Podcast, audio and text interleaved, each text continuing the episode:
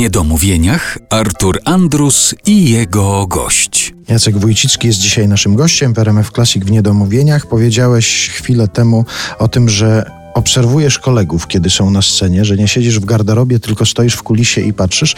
Przypomniało mi się teraz, że jeden z kolegów artystów wspominał, jak jeździł w takiej trasie ze Zbigniewem Wodeckim i on miał taki zwyczaj, że jak się zbliżało jego wyjście i on miał już wyjść z garderoby, to zawsze tak wychodząc mówił, no to idę ja teraz zagrać i śpiewać, kto chce iść posłuchać, zapraszam, zapraszam, prowokacyjnie kolegów zapraszał, a ty jak stoisz, oglądasz, to potem jak cię coś zachwyci, jak ci się coś spodoba, podoba, to mówisz o tym kolegom? Podchodzisz? Tak, ja, ja, uważam, że trzeba mówić dobre rzeczy.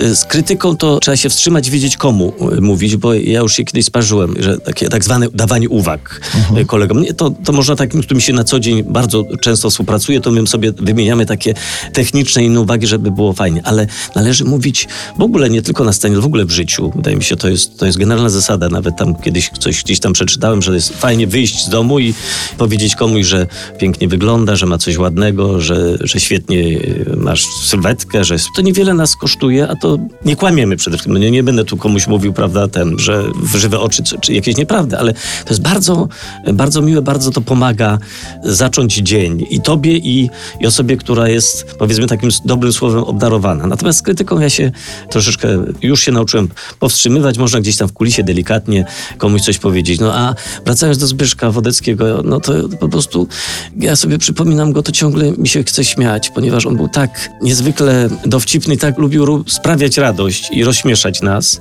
Każde wspomnienie z nim okraszone jest jakimś uśmiechem, czy wręcz e, chichotem. Ja nie zapomnę, jak była premiera Nieszporów Ludzimierskich w Krakowie.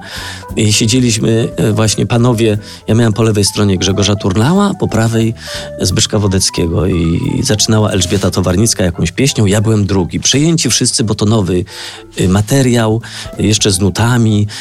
Ja wypieków dostaję, bo to jeszcze telewizja to kręci, Wielki Kościół, śpiewam, staram się czarować tą pieśnią Pani na siklawie, tam je, czaruję, czaruję, czaruję.